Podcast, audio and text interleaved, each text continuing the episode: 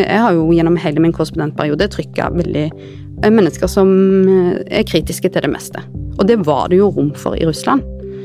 Eh, men nå, etter den fullskala invasjonen, så må vi nesten tenke på Russland som Kina. Det, det, det var en game changer, i hvert fall for oss, til vi skjønner hvordan, hvordan brikkene faller ned. da. Og jeg vet ikke om jeg Nei, nei, vet du hva. Jeg, vet at jeg ikke hadde sagt denne saken på trykk sånn som den er nå. It's a disgrace. And I think they ought to apologize to start with. Dominere mediebildet. A failing media. Pile of garbage. False and fake, fake, fake, fake, fake, fake. Hei og velkommen til Pressepodden. Mitt navn er Kristine Sterud. For bare noen måneder siden så var alle nettavisene fulle av nyheter om krigen i Ukraina. Men nå som vi er i august, er det ikke like mange saker å se på fronten. Hvorfor det? Det er et av temaene i dagens episode. Og dagens gjest er Helene Skjeggestad, utenriksjournalist i Aftenposten. Vi skal prate om hva hun tenkte da hun satt med en nyfødt baby på armen og så nyhetene om at Ukraina var invadert. Dette var bare noen måneder etter at hun sjøl hadde vært korrespondent i Moskva. Vi skal også prate om en reportasje som hun har lagd, som hun rett og slett brukte flere år på å lage. Den skal du få høre mer om, men først en liten reklamepause. Vips! Nå får du abonnement på Medier24 med Vips. Klikk deg inn på m24.no. Last ned Medier24-appen og bli varslet om de viktigste sakene. Du finner den i AppStore og Google Play. Nå har jeg kommet meg inn i Aftenposten-bygget og har møtt dagens gjest, utenriksjournalist i Aftenposten, Helene Skjeggestad. Hei. Hei, hei. Nå er du på jobb her i Aftenposten igjen, men det har du ikke vært så veldig lenge. Hva er det du har gjort den siste tida? Jeg har vært én dag på jobb. 1. Eh, februar så fikk jeg en liten jente, og jeg har passa på hun siden det, da. Vært i mammaperm, rett og slett? Rett og slett mammaperm.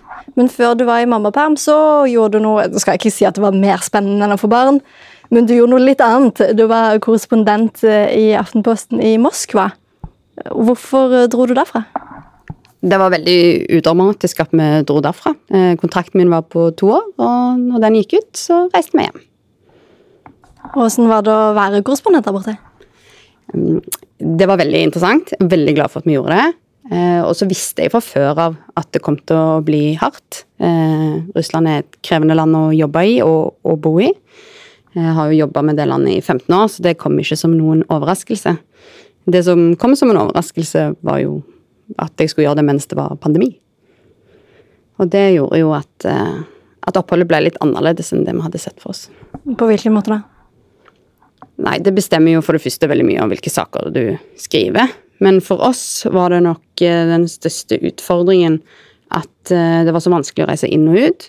Så når vi reiste tilbake den siste gangen, vi sykla over grensa med den lille gutten vår for å komme inn, og da fikk vi beskjed om at hvis vi reiser ut igjen, så kommer vi ikke tilbake. Eh, og da ble det sånn at vi valgte å bli i Russland i et helt kalenderår uten å se familie, uten å være i Norge, uten å trekke frisk pust av frisk luft, eller hva man skal si. Det var veldig eh, Det ble en, en, lang seanse, rett og slett. En ting er at det er tøft for alle å stå i en pandemi, men hvordan påvirker det journalistikken du lagde? Ja, det var jo med på å bestemme mye av, eh, av de sakene jeg skrev. Og altså, ambulansen, den sto jo i bakgården vår omtrent 24-7 eh, og henta ut syke mennesker. Så for oss var det jo Det var jo en følelse av utrygghet hele tida. Særlig når man har med seg eh, barn. Eh, på samme tid så tror jeg nok at det var bra for journalistikken at jeg var der sammenhengende et år. For du kommer veldig mye tettere på det landet du skal dekke. Vi måtte jo lage vår egen familie og eh, vår egen vennekrets, og ja, du kommer mye tettere på det samfunnet du skal dekke, da. Så sånn sett så var det nok ikke bra. Vurderte du å dra og ikke komme tilbake til Moskva? Ja, vi bestemte oss ganske tidlig egentlig for at vi skulle bli. Og så Det er jo ikke så lenge siden, men det er sikkert noe alle, alle kan tenke tilbake på. At man tror jo at det skal ordne seg snart. Eh, så på en måte så tenkte vi jo ja, ja, men vi klarer fram til jul, ja, men klarer fram til påske. Da har det sikkert ordna seg. Men eh, det ordna seg jo egentlig aldri helt. Angrer du? Nei, nei, nei. Nei, nei. Eh, det å være korrespondent i Moskva, det har vært min drøm i 15 år. Eh, og jeg var utrolig lei meg når vi måtte reise tilbake igjen hit pga. pandemien, for det var så usikkert. Og da hadde jeg bestemt meg for at hvis vi kommer tilbake, så har jeg lyst til å fullføre. Så jeg er mer stolt over at vi fullførte, egentlig. ja. Du sier det har vært drømmen din i 15 år. Hvorfor akkurat Russland? Ja, Det er et veldig godt spørsmål, og jeg får det veldig ofte. For ofte er det jo sånn at du velger et land som du har en personlig forbindelse til, kanskje noe slekt.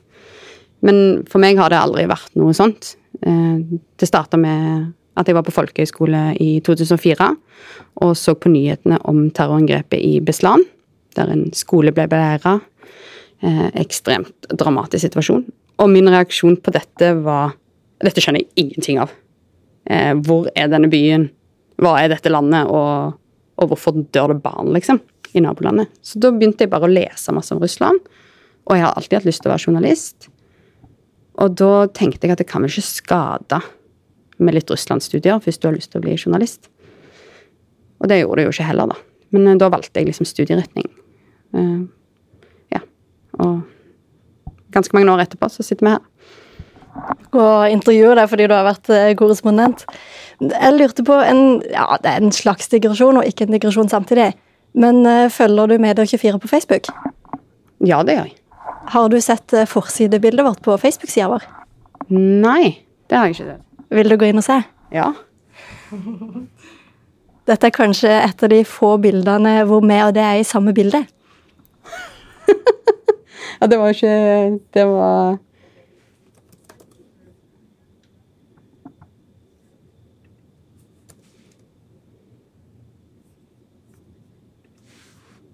Som må skrive medier. Ja, det tror jeg òg jeg må. Her ser du jeg har vært i mammaperm. Herlighet. Nå er jeg veldig spent. Kjenner du det igjen? Å, se her, ja. Jeg har vunnet IA-prisen her, jeg. Det har du. Dette bildet er rett og slett du som er på vei opp på scenen. Fordi du nettopp har vunnet International Reporter-prisen under Scoop eh, i Tønsberg. Åh. Hva var det du følte da det bildet der ble tatt? Nei, det var jo helt uh, uh, Ja, det var Altså, jeg visste at jeg skulle få prisen, for de hadde hørt med meg om jeg klarte å komme meg fra min åtte uker gamle datter for å ta imot prisen. Så jeg visste at det kom. Men altså, du blir jo ikke forberedt på en sal full av mennesker som som syns at du har gjort noe ålreit, liksom. Det er jo ja, Det var en veldig fin opplevelse. For jeg var jo der jeg står litt sånn i hjørnet av det bildet her, eh, som fotograf. Det er meg i blått der. Uh, og jeg husker det sjøl for vi hadde jo fått vite på forhånd at det var du som skulle vinne. Så det var liksom det der å få bilde av reaksjonen din, men ikke avsløre for deg at vi tok bilde av deg fordi vi visste at du vant. ja, det er sikkert eh, den eneste gangen i livet mitt at jeg ville oppleve noe sånt. Eh, så det var veldig kult at, eh, at mannen min tok, eh, tok babyen, og at jeg reiste ned og fikk være med på det. Um, særlig fordi det føltes så viktig akkurat da å kunne si noe om Russland og Ukraina. Eh, da var jo fremdeles den fullskala invasjonen var ganske fersk, og veldig mange tenkte mye på hva som skjedde. Så det å få lov til å møte kollegaer i den situasjonen som for en gangs skyld tenkte på det samme som meg Jeg har jo tenkt på dette iallfall siden 2014 uten at så veldig mange andre har brydd seg, har jeg følt. Så det var, var en veldig fin opplevelse. Ja, fordi dette med Ukraina-krigen tenkte jeg vi skulle prate litt om. Eh, men vi skal jo prate om den reportasjen du vant prisen for, men vi kan ta det litt etterpå. Fordi dette med, med krigen Jeg tar meg sjøl i å si sånn Ja, nå er det fem-seks måneder siden invasjonen eller siden krigen starta. Og hvis jeg sier det, så vil vel du kanskje pirke på meg? Nei, jeg vet ikke om jeg hadde pirka sånn høyt. men, Et lite sånn eh, sideblikk. Nei, men for meg, da, så starta denne krigen i 2014. Eh, og det er kanskje litt rart å si det, egentlig, men for meg var det nesten overraskende at det ble så stort. når, 24. februar i år, når de, gikk mot eh, Kiev. At eh, plutselig ble det på alles lepper, på en måte. Uh, veldig fint og veldig bra, men kanskje litt sånn Å oh Ja.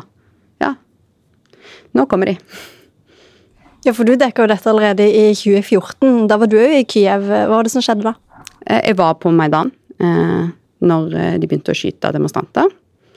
Eh, veldig det, med, det, hadde jo vært demonstrasjoner i månedsvis, og litt tilfeldig så reiste vi ned, jeg og en fotograf, dagen før. Eh, og jeg husker liksom den kvelden vi landa, at jeg syntes sånn Dette er jo ikke helt normalt, liksom. Det var sånne store eh, De hadde laga sånne store barrierer med dekk som de hadde tent på. Så det var liksom Hele byen sto jo omtrent i brann. Men ja, ja, nei, nei, det kommer ikke til å skje noe her, og det har vært rolig i mange uker. Eh, i mange månedsvis. Og så gikk vi ut dagen etterpå, og da ja, da begynte det jo å bære lik forbi oss, da. Og da skjønner du jo at ok, her er noe på gang. Hvem skyter, hvor skyter de fra? Og stå med midt i skuddlinjen, og hva betyr dette? Hva betyr dette for de som er her nå? Hva betyr dette for Ukraina? Hva betyr dette for Europa? Hva betyr det for verden? Altså det, det var jo veldig formende for meg, da, som journalist. Så det har jo ført til at jeg har reist tilbake gang på gang, og gjerne vil gjøre det igjen. Stå i skuddlinjen, eller fortelle hva som skjer? Jeg helst bare fortelle hva som skjer. Men, men dette med, med, ditt engasjement rundt dette, og det at det starter allerede i 2014, hva tenker du om, om, om dekninga nå? Du sier du ble litt overraska over hvor stort invasjonen ble, eller medietrykket rundt, eller begge deler? Ja, begge deler. Eh, jeg husker at jeg våkna liksom tidlig morgen 24. februar bare sa til mannen min at nå har de gått mot Kyiv, liksom. Og han bare nei, nei, nå overdriver du igjen. Typisk journalist. Så det var, men det var den følelsen vi hadde, at det var overraskende. Jeg var ikke overraska at de prøvde å ta Donbas, altså den regionen eh, øst i landet. Det har de liksom forberedt lenge. Men det at de skulle gå et skritt lenger, det, det var overraskende for meg òg. Eh, samtidig så er det Jeg var jo i Donbas i 2020, som antageligvis en av de siste journalistene som slapp inn. Eh, og laga mange saker fra et sted som egentlig er i krig. Ikke sant? Du hører jo fremdeles at det drønner allerede da. Og det var det jo Det var ikke så veldig mange som hadde det høyt opp på, på agendaen. Og jeg har vært i flere debatter der man har snakka om at man liksom må omtale Krimhalvøya, da, som ble annektert i 2014, som, som russisk. At man bare anser at den er tapt. Og så gå fra det til liksom Oi, alle bryr seg om dette nå. Eh, det var overraskende, men, men veldig bra, altså, selv mot et grusomt bakteppe, selvfølgelig. Hvordan var det da å sitte hjemme med som nybakt mor og ikke være på jobb? Og det spørsmålet har jeg fått mange ganger. Eh, altså Den babyen har nok hørt mer nyheter enn de fleste barn har på sine første leveår. Jeg husker hun sov veldig mye. Jeg husker nyhetene sto på konstant. Hun sov. Og jeg, eh, jeg måtte bare male vinduskarmer for å, få, for å føle at jeg gjorde noe. Men det var virkelig Jeg tror det er bare journalister som kan skjønne eh, den følelsen. At man har liksom Man har født et barn, det største i verden har skjedd. Men så skulle en del av en ønske at man var i krigen. Og for å dekke det, da. For den har vært en så stor del av, av meg. Den har jo vært et stort del av mediebildet i Norge, i hvert fall i starten. Men eh, nå, eh, fem-seks måneder seinere, så ser jo forsiden på avisene litt annerledes ut. Hva tenker du om at det var så stort trykk i starten, og åssen det er nå? Ja, vi ser jo en krigstrøtthet. Og så tenker jeg at det er naturlig, og egentlig ikke noe, noe nytt fenomen. Jeg hørte en liksom, krigsreporter, veteran, som dekka Vietnamkrigen for The Times.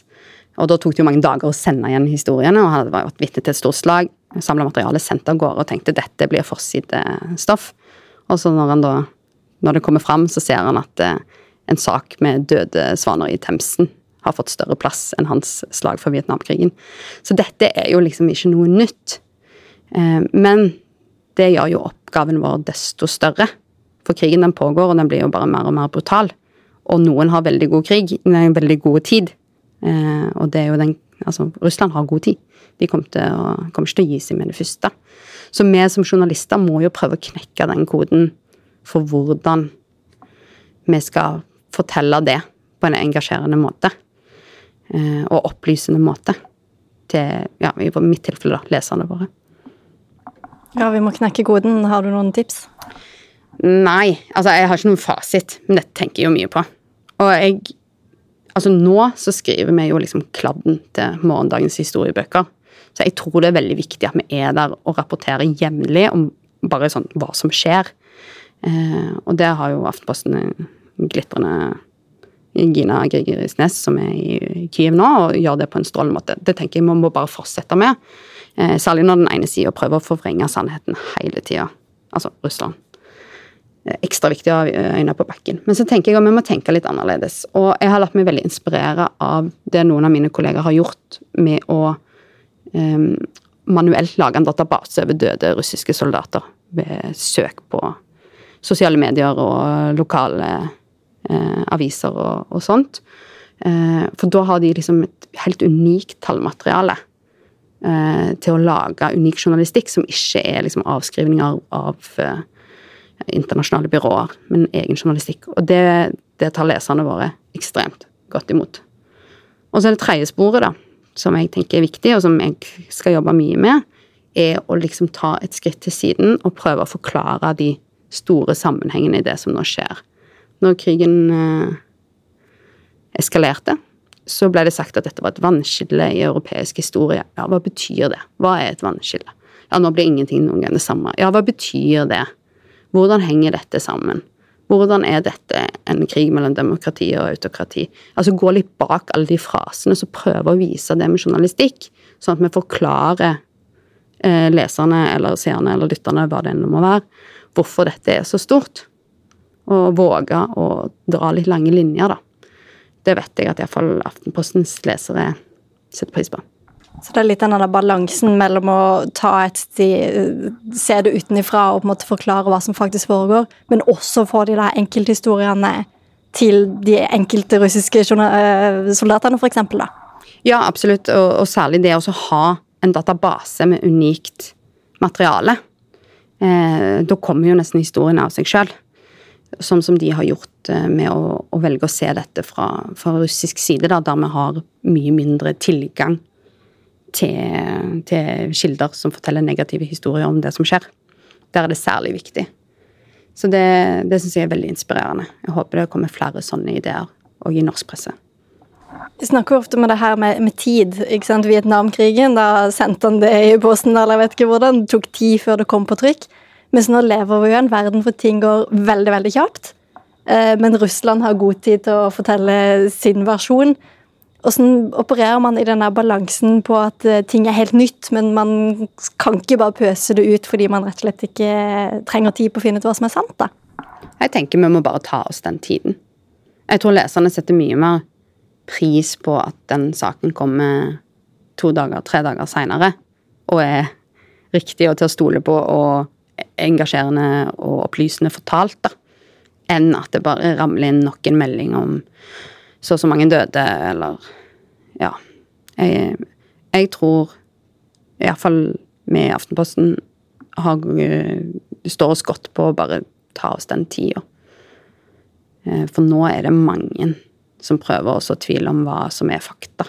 Og da har vi ikke tid til å gå i de fellene. Eller vi har ikke den tilliten. Vips!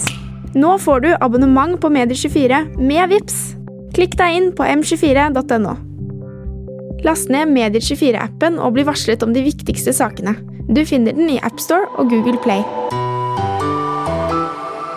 Jeg tenkte vi skulle snakke litt om denne reportasjen som du tross alt vant denne IR-prisen for. Den heter 'Et russisk liv'. Hva er det den handler om? Den handler om eh, Om hva som har forma det nye Russland etter Sovjetunionen. Hva som er Russland i dag. Og det var egentlig en sånn tanke jeg hadde, fordi at man ofte snakker om Russland som Sovjetunionen, eller Sovjetunionen som Russland. Men jeg ville vise uh, hvordan det Russland som jeg har opplevd da, etter Sovjetunionens fall, hvordan det var. Uh, og så har jeg jo ofte litt sånn store tanker og crazy vyer og sånt, så jeg bestemte meg for at jeg ville ha et prosjekt som løp gjennom hele, hele korrespondentperioden min, altså to år.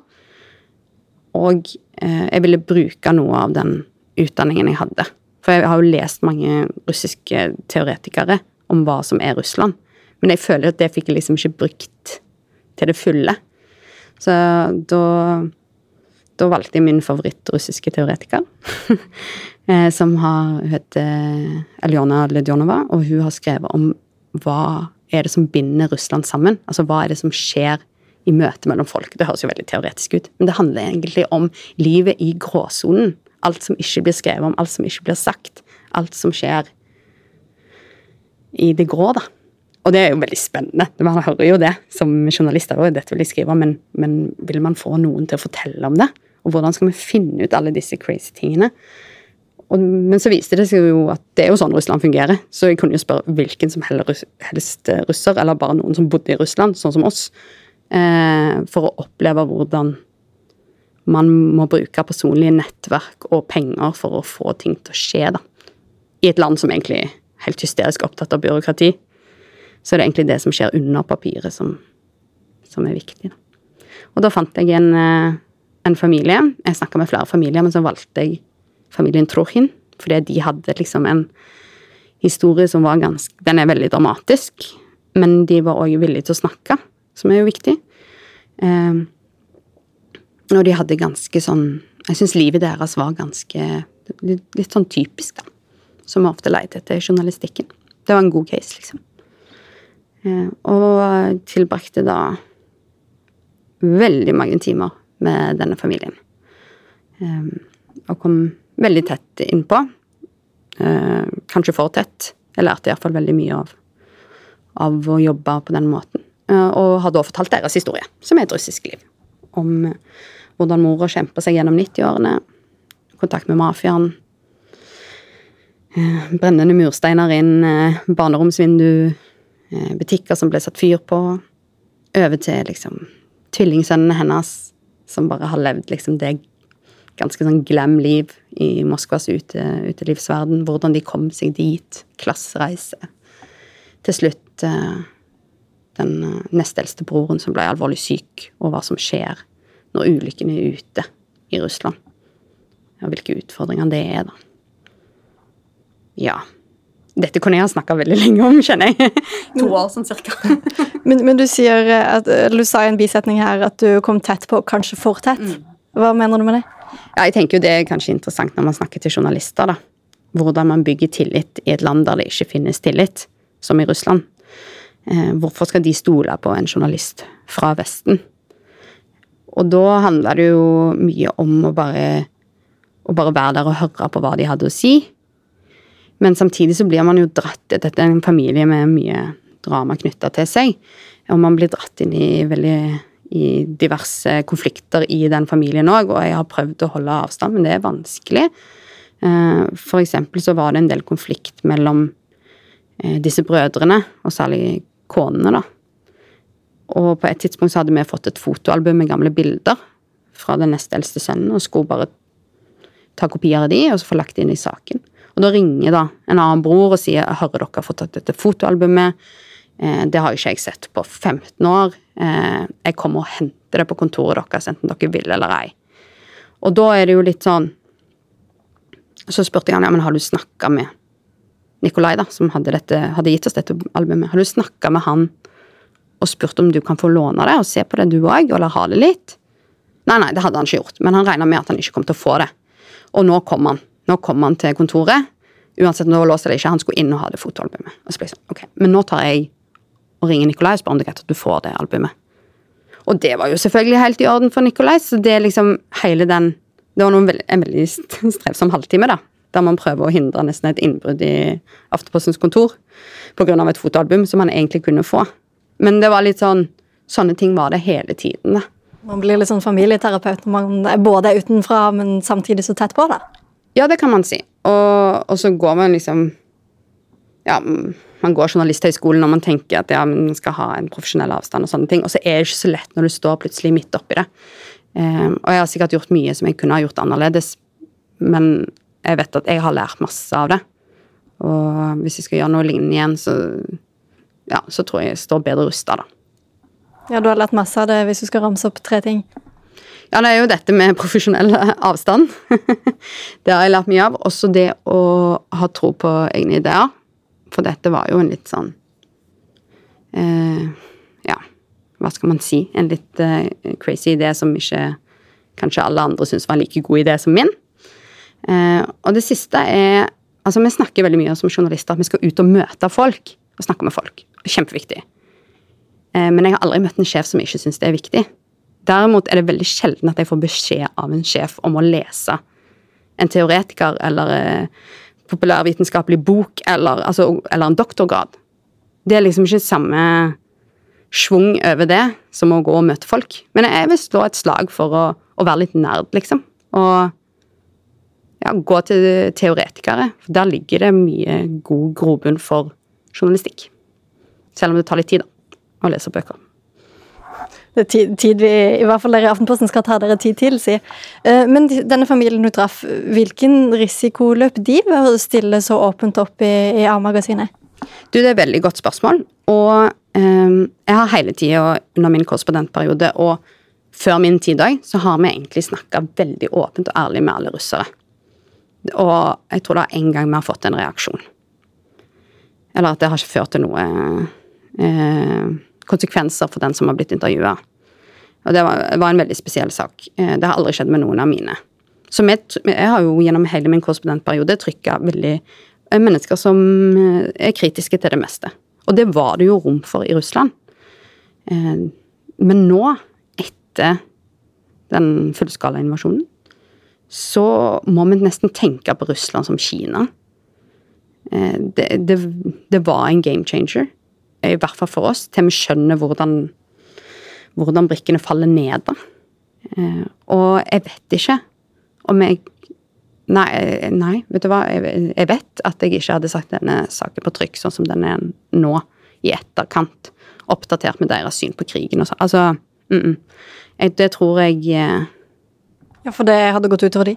Jeg, jeg, jeg kunne ikke ha garantert at de ikke gjorde det. Samtidig så er jeg veldig opptatt av at folk bestemmer sine egne meninger og sine egne skjebner. Og hvis de har lyst til å stå fram med fullt navn og si sine meninger, så, så tenker jeg at eh, det er noe jeg har respekt for. Men du, har, men du har også et ansvar. Så, altså, folk kan jo òg ha lyst til å mene dette og kanskje ikke alltid skjønne konsekvensen av å stå fram heller, da. Absolutt. Og ja, det er faktisk et eksempel fra Ukraina-krigen. Når vi var i Donbas sist, så snakka jeg med noen som sa at de skulle ønske at dette ble Ukraina igjen. Og da både meg og fotografen og fikseren liksom rykka litt til. Og da satte vi oss ned og så snakka vi sammen. ok, Vet du hvilke konsekvenser det kan få hvis noen her, eh, lokalmyndigheter i Donbass, leser at du mener det? Og da var jo sånn Ok, dette har jeg ikke tenkt skikkelig gjennom. Eh, er det greit at jeg trekker det? Og da tenker jeg sånn Ja, det er greit at du trekker det. Fordi det skal være veldig du, du, skal vite at de vet hva de gjør, hvis de kommer med, med uttalelser som gjør og setter de sjøl i fare, da. Um, så det er litt sånn jeg tenker rundt det. Og så vet jeg ikke helt hvordan det blir med Russland akkurat nå. Um, vi får bare prøve oss litt fram og heller være litt mer forsiktige i en periode når det gjelder folks sikkerhet. da. Men også når det gjelder deg sjøl og, og, Russland. Det her er sikkert et spørsmål jeg burde stilt helt, helt i starten, men jeg stiller det nå. Skal du tilbake? Nå har jeg jo eh, to barn, og, og, jeg har jo på en måte levd ut min, om en litt spesiell ungpikedrøm om å være korrespondent i Moskva. Og jeg tenker at nå er det liksom, i en periode nå, så er det barnas beste, og at de har en trygg og god oppvekst som gjelder. Men altså Russland er mitt livsprosjekt. Jeg kommer jo aldri til å bli ferdig med det landet. Og jeg håper jo at det blir lettere å reise dit på kortere opphold og sånt, men eh, Men sånn Jeg kommer ikke til å reise om et år. Det er bare livssituasjonen min tillater ikke det. Men det handler jo mer om hva man prioriterer, enn at jeg er liksom ferdig med Russland, for det er jeg overhodet ikke. Og så heldigvis så har vi jo mer enn kvalifiserte folk til å, til å ta den jobben nå. Man prater jo mye om at det ikke er så lett å være journalist i Russland i dag. Men jeg tenkte vi skulle snakke litt om dette, for nå er du kommet hjem. Eh, og du har jo opplevd eh, ting. I 2014 sto du i, i skuddlinja, bokstavelig talt. Eh, og vi snak, alle de vi, som er ute og dekker krigen nå, som jo er mange norske journalister òg. Hvordan skal man ta vare på de journalistene som har vært ute? Jeg er veldig glad for at du stiller det spørsmålet, fordi det er noe jeg tenker mye på, og syns vi har som bransje en veldig lang vei å gå. Hvis du er ute med frivillige organisasjoner, Forsvaret, Eh, eh, statlige organer og kommer hjem etter å ha sett noe eller opplevd noe eh, trauma, potensielt traumatisk, så står det et helt apparat klar til å sørge for at dette er noe som ikke utvikler seg til en PTSD eller et eller annet. Mens min opplevelse av å være krigsjournalist i av å være krigsjournalist, er at da er det litt sånn ja, Kanskje får du et spørsmål om du skal ha en debrief eller en, ta en øl med en kollega. Og så er det ikke så mye mer. Og jeg har tenkt veldig mye mer på, på hva det kommer fra. Er det liksom en sånn machokultur der man skal tåle alt, eller hvor, hvorfor, hvorfor, er det sånn? Hvorfor har ikke vi et skikkelig system når alle andre har det?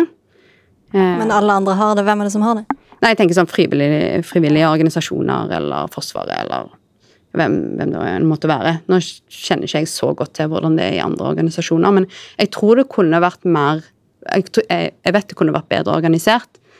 Kanskje særlig liksom, når du er som ung, da. Jeg var jo veldig ung.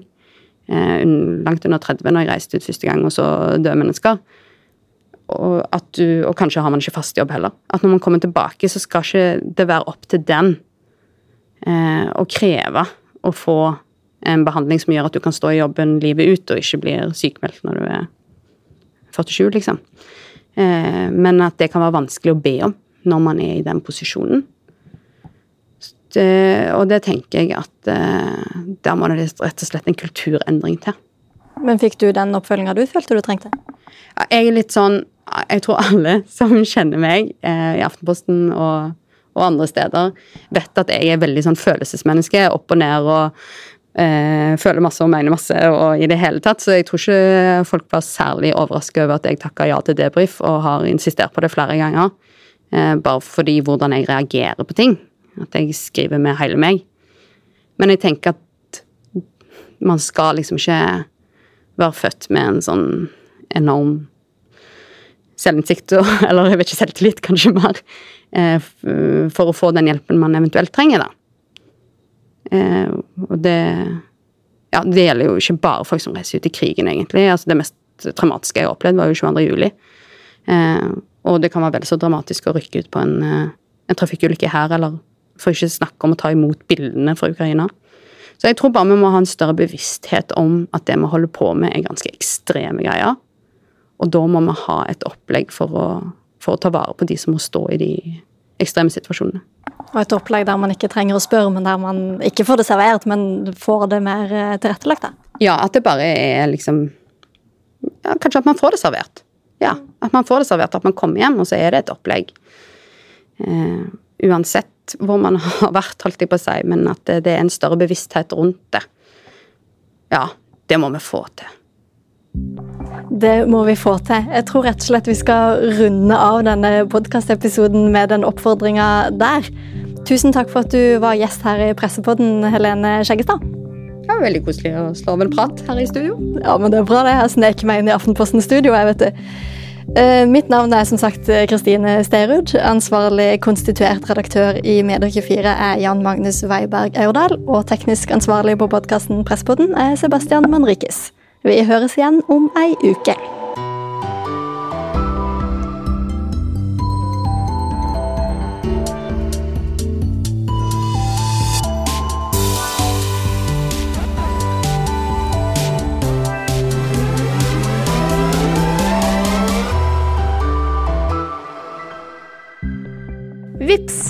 Nå får du abonnement på Medier24 med Vips.